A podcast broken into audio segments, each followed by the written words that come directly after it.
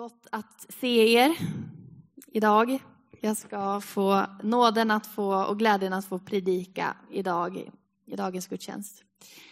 Och jag vill utgå idag ifrån Romarbrevet.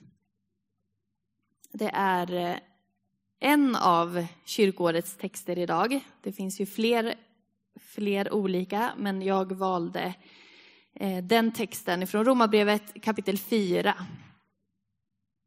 och vers 18 till 25. Så följ med i texten. Där allt hopp var ute höll Abraham fast vid hoppet och trodde så att han kunde bli far till många folk. Enligt ordet, så talrik ska din avkomma bli. Han sviktade inte i tron då han tänkte på hans egen kropp var utan livskraft. Han var omkring hundra år gammal. Och att Saras modersköte var dött.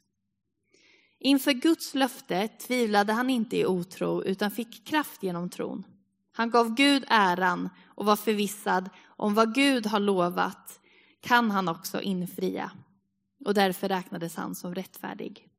Men inte bara om honom skrevs orden räknades som rättfärdig utan också med tanke på oss vi ska räknas som rättfärdiga, ty vi tror på honom som från de döda har uppväckt vår Herre Jesus, Herre Jesus, som blev utlämnad för våra överträdelsers skull och uppväckt för vår rättfärdiggörelses skull.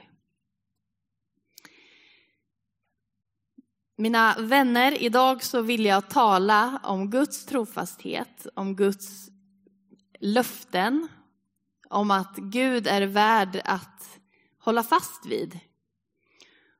Och jag vill eh, tala om vad vi kan lita på i Gud.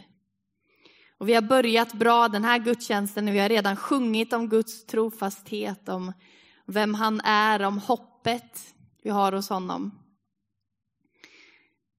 Och eh, där så får vi börja i texten som handlar om Abraham.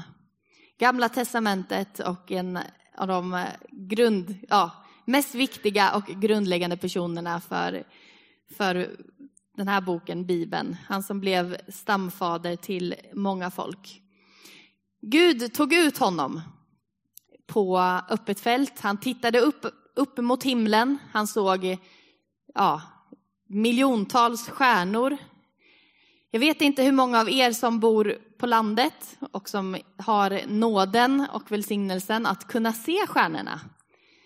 Jag vet ju några av er gör det och eh, för mig som inte gör det så vet jag att jag ser några stjärnor men jag vet att det finns så mycket mer. Bara man kommer ut liksom i mörkret så ser man dem. Så en del av er har, har den glädjen att kunna se stjärnorna lite, lite fler stjärnor. Men det stora är att Gud, när han, när han tar ut eh, Abraham och visar den här stjärnhimlen och vi antar att han var ute, det fanns ju inte elektricitet på den tiden, så det var nog ganska mörkt. Och han såg nog väldigt många stjärnor. Man ser ju ibland liksom, eh, vissa starka stjärnor, men så anar man att det finns liksom längre bort på något sätt bara en, en stor matta av ljus. Massa, massa stjärnor. Och Gud säger, Abraham, du ska bli, du, så här talrik ska din avkomma bli. Och han säger som, som sanden, han tar upp sand i handen och, och liksom så här många sandkorn som på hela den här, hela den här stranden. Så många barn kommer att komma utifrån dig och Sara. Och för, från honom så var det helt omöjligt. Det var någonting som, som, som inte kunde bli för att han var så gammal och hans fru var så gammal. Vi förstår av texten att de inte kunde få några barn. Men det där löftet, det var inte någonting som Abraham hittade på i önsketänkande. Att vi vill få barn och så bad för det, utan det var faktiskt någonting som Gud sa till honom. Och då blir det ju ett löfte att det är, kommer ifrån Gud. Och eh, Abraham ser vi i texten att han tror på Gud och han ger inte upp. Även när det verkar, och tiden går, åren går, löftet infrias inte, men, men han håller fast i tro och sviktar inte, även om det ser omöjligt ut. Strax innan den texten som jag läste så står det så här, att Gud som ger de döda liv och talar om det som ännu inte finns, som om det redan fanns.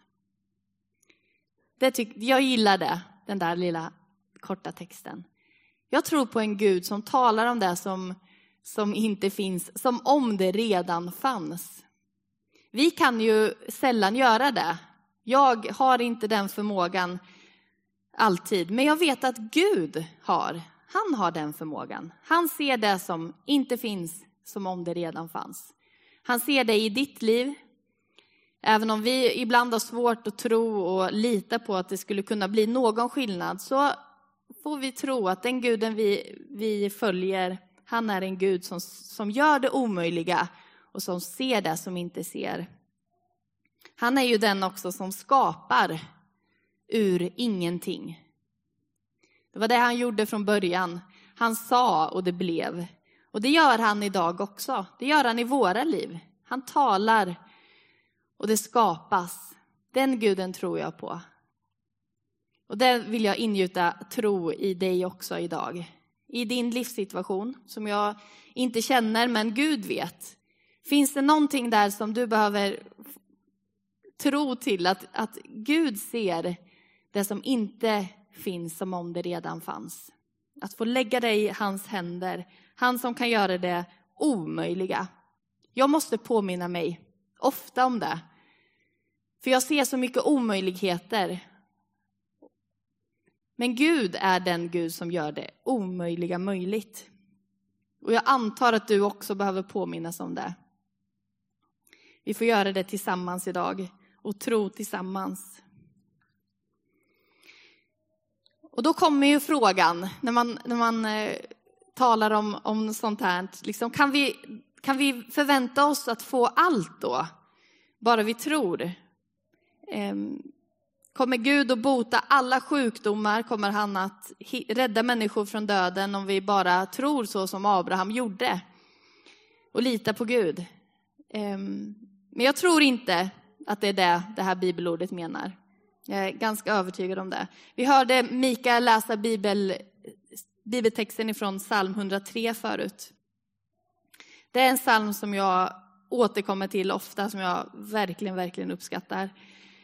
Om, om Guds trofasthet, om hur, ja, jag kan läsa den många gånger. Men där står det att, att vi människor, vi är förgängliga. Vi är inte här på jorden för evigt. Och ta bilden av blomman som står där på marken. Finns idag men är borta imorgon. Men Gud är evig. Gud är alltid densamme. Vi människor är inte det. det. Det vet vi och det märker vi i det här livet. Men Gud är evig. Det står också i eh, Johannes 16 och 33. Detta har jag sagt till er för att ni ska ha frid i mig. I världen får ni lida, men var vid gott mod, för jag har besegrat världen. Löftet är inte att vi inte ska lida, eller löftet är inte att vi ska undslippa alla problem eller ens döden, den finns där. Men vi ska vara vid gott mod och vi kan ha frid i Gud, för han har faktiskt besegrat världen och vi vet att Gud är evig och att vi får tillhöra honom. Att vi får också vara med honom i evighet. Och jag skulle vilja idag slå fast just det där. Vad är det då vi kan lita på? Vad är det vi kan hålla fast vid?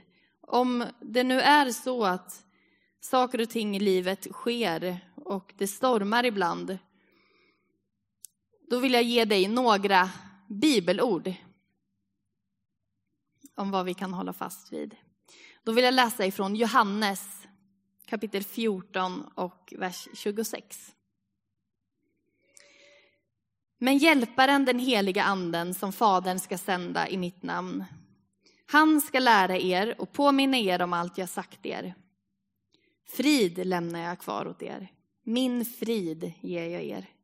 Jag ger inte det som världen ger. Känn ingen oro och tappa inte modet. Fadern har lovat att sända den helige Ande. Och I Bibeln så står det att den som tror, till den ges den heliga Ande som en gåva. Vi har den heliga Ande som en gåva i våra liv. Det kan vi lita på.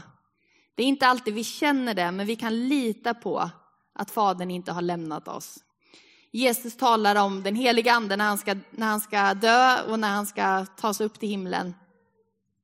Och det, i den heliga Ande så kan vi få frid. Frid är en av Andens frukter. Bland många andra. Glädje, frid, tålamod. Ja, massa bra grejer. Men frid i honom och med den heliga Ande. Det kan vi lita på. Det kan vi veta att vi är inte ensamma. I första Johannesbrevet 1 och 9 så står det så här. Och det är någonting annat som vi kan lita på. Om vi säger att vi är utan synd bedrar vi oss själva och sanningen finns inte i oss. Om vi bekänner våra synder är han trofast och rättfärdig så att han förlåter oss synderna och renar oss från all orättfärdighet. Det är någonting mer som du kan lita på, att du är förlåten. När du, i, när du säger orden till Jesus, när du ger ditt hjärtas eh, ånger och omvänder dig och säger Jesus, det här vill jag att du ska rena mig ifrån. Då vet du att du är förlåten. Det är inte heller alltid som att känslorna säger det. Det är inte heller alltid som att eh, omständigheterna verkar sådana. Men vi får tro det, vi får lita på att han har förlåtit oss. Och då spelar det ingen roll hur det än har trasslat, trasslat till det för oss. Han förlåter oss.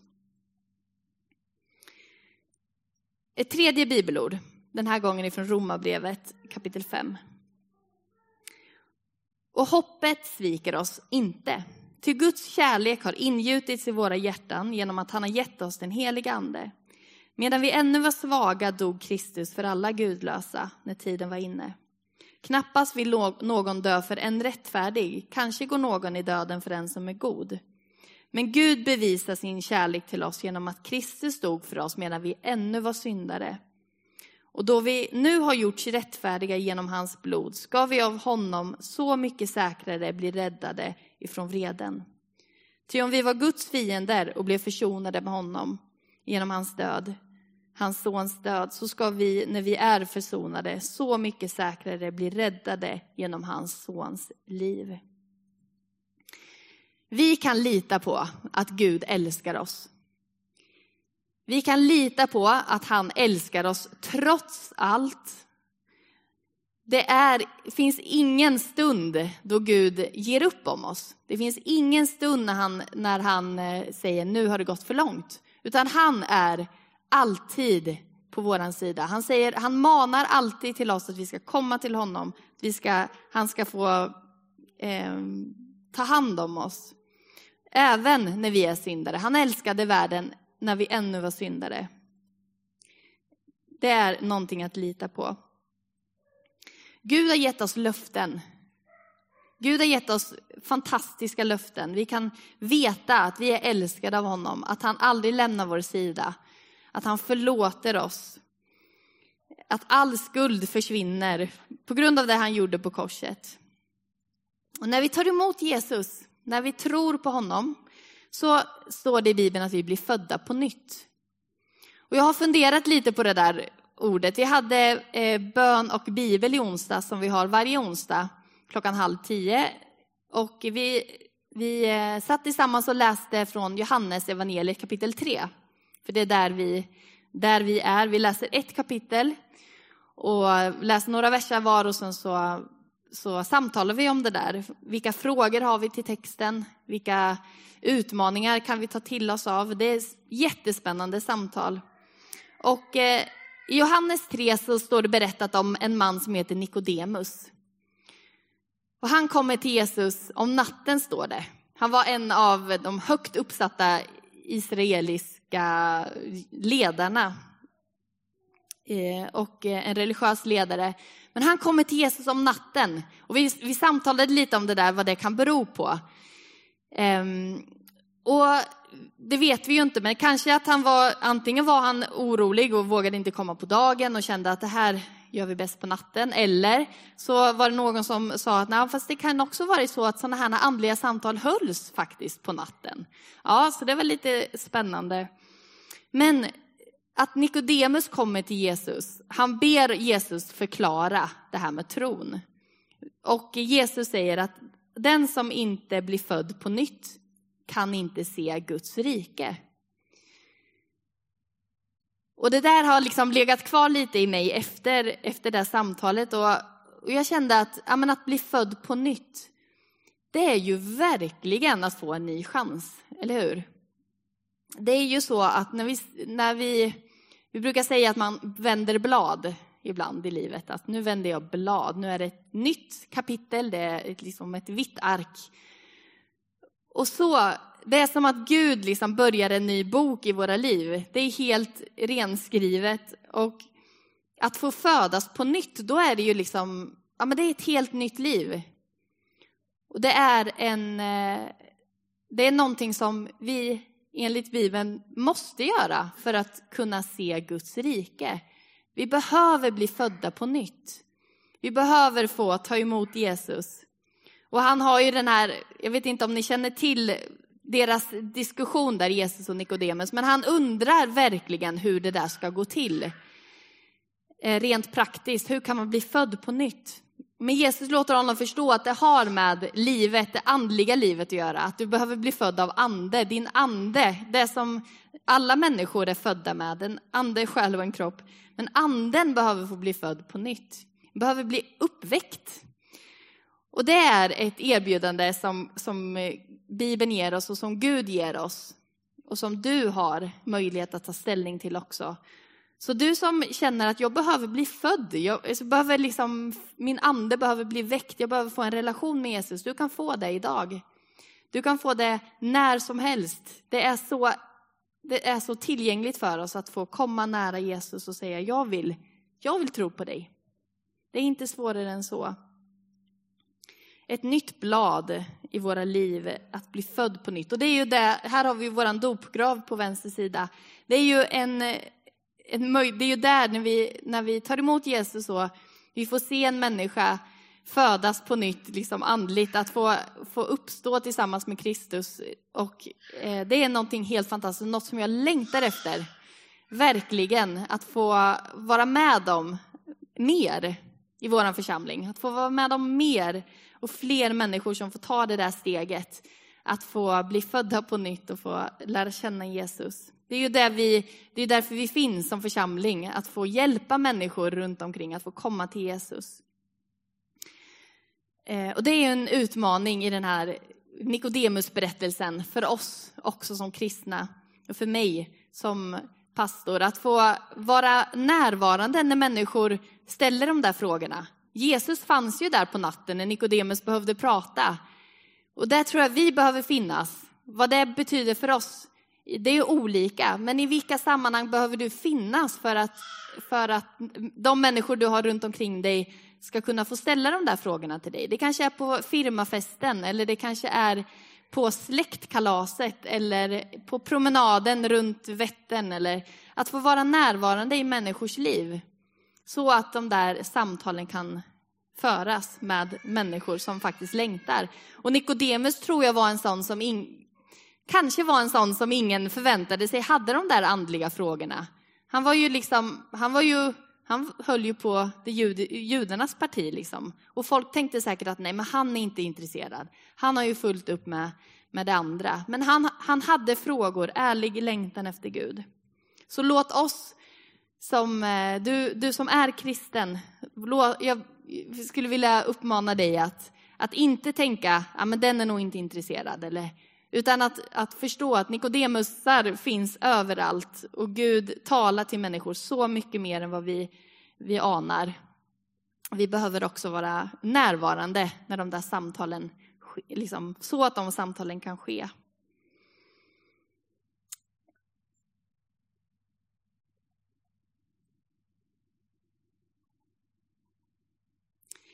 Jag eh, började den här predikan i Romarbrevet 4. När, och där står det, de allra första orden, när allt hopp var ute. Där vill jag stanna till lite, för jag tror att det är, allt som oftast är just så. När allt hopp var ute, då griper Gud in. Då kan Gud göra någonting. Men även om allt hopp var ute så höll Abraham fast vid Gud. Och det är en utmaning till dig och mig. Att hålla fast vid Gud även när allt hopp verkar ute. Att lita på att hans löften står fast ändå. Att lita på att det han har sagt, det är han mäktig att hålla. Att de löftena som jag tidigare läste från bibelorden, att de stämmer, även om det inte verkar så.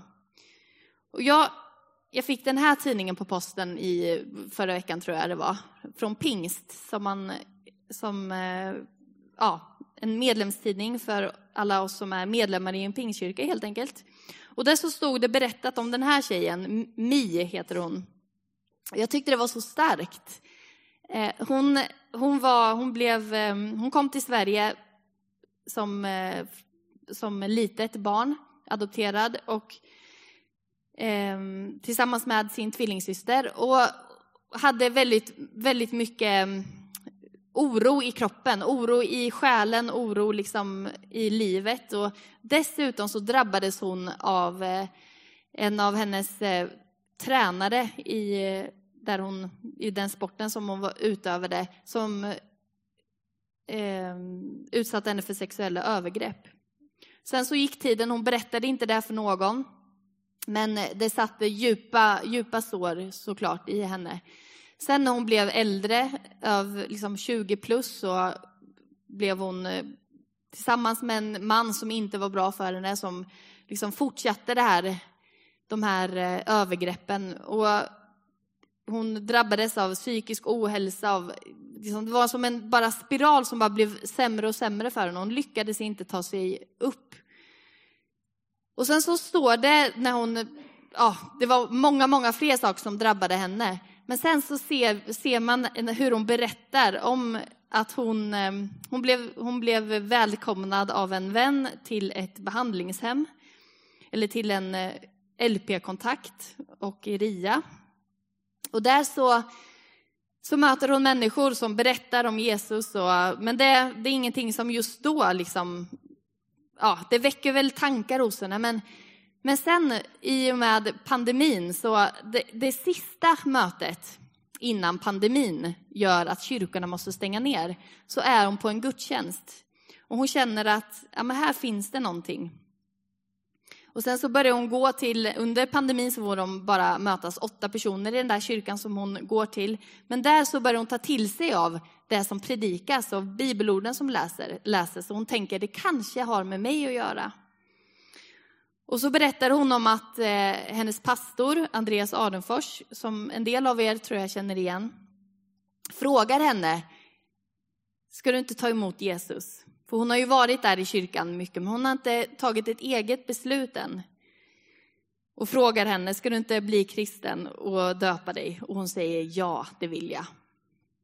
Och så döps hon. Och så säger hon eh, så här, citat. Genom dopet kunde jag lägga det förflutna bakom mig och även förlåta mina förövare. Det tomrum som jag haft inom mig fylldes av Jesus och mitt självhat ersattes av inre frid. Jag känner att jag kan vända mig till Jesus med allt, be till honom och känna mig trygg. Och när jag läser sådana berättelser så påminns jag om att det finns hopp. När allt hopp var ute så är det inte ute. För Gud har en helt annan, han kan göra det omöjliga möjligt. Han kan vända människors liv till det som många säkert har sagt att det går inte. Det är för mycket problem, du har för mycket bagage, det är för många, det är för många saker att ta tag i. Men, men hon fick möta Jesus. Och jag också uppmuntras av det där, just den där frågan som pastorn ställde. Att våga fråga det. Ska du inte ta emot Jesus? Det är också viktigt. Ja, vi har hört en predikan om hopp, om Guds, rätt, om Guds trofasthet. Och vi ska be tillsammans nu.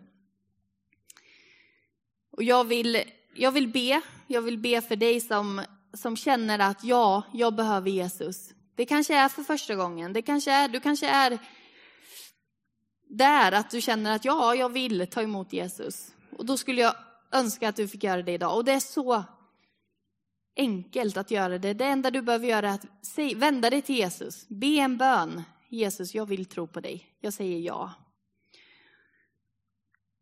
Och så får vi tro på orden att han är rättfärdig och trofast och förlåter oss alla våra synder.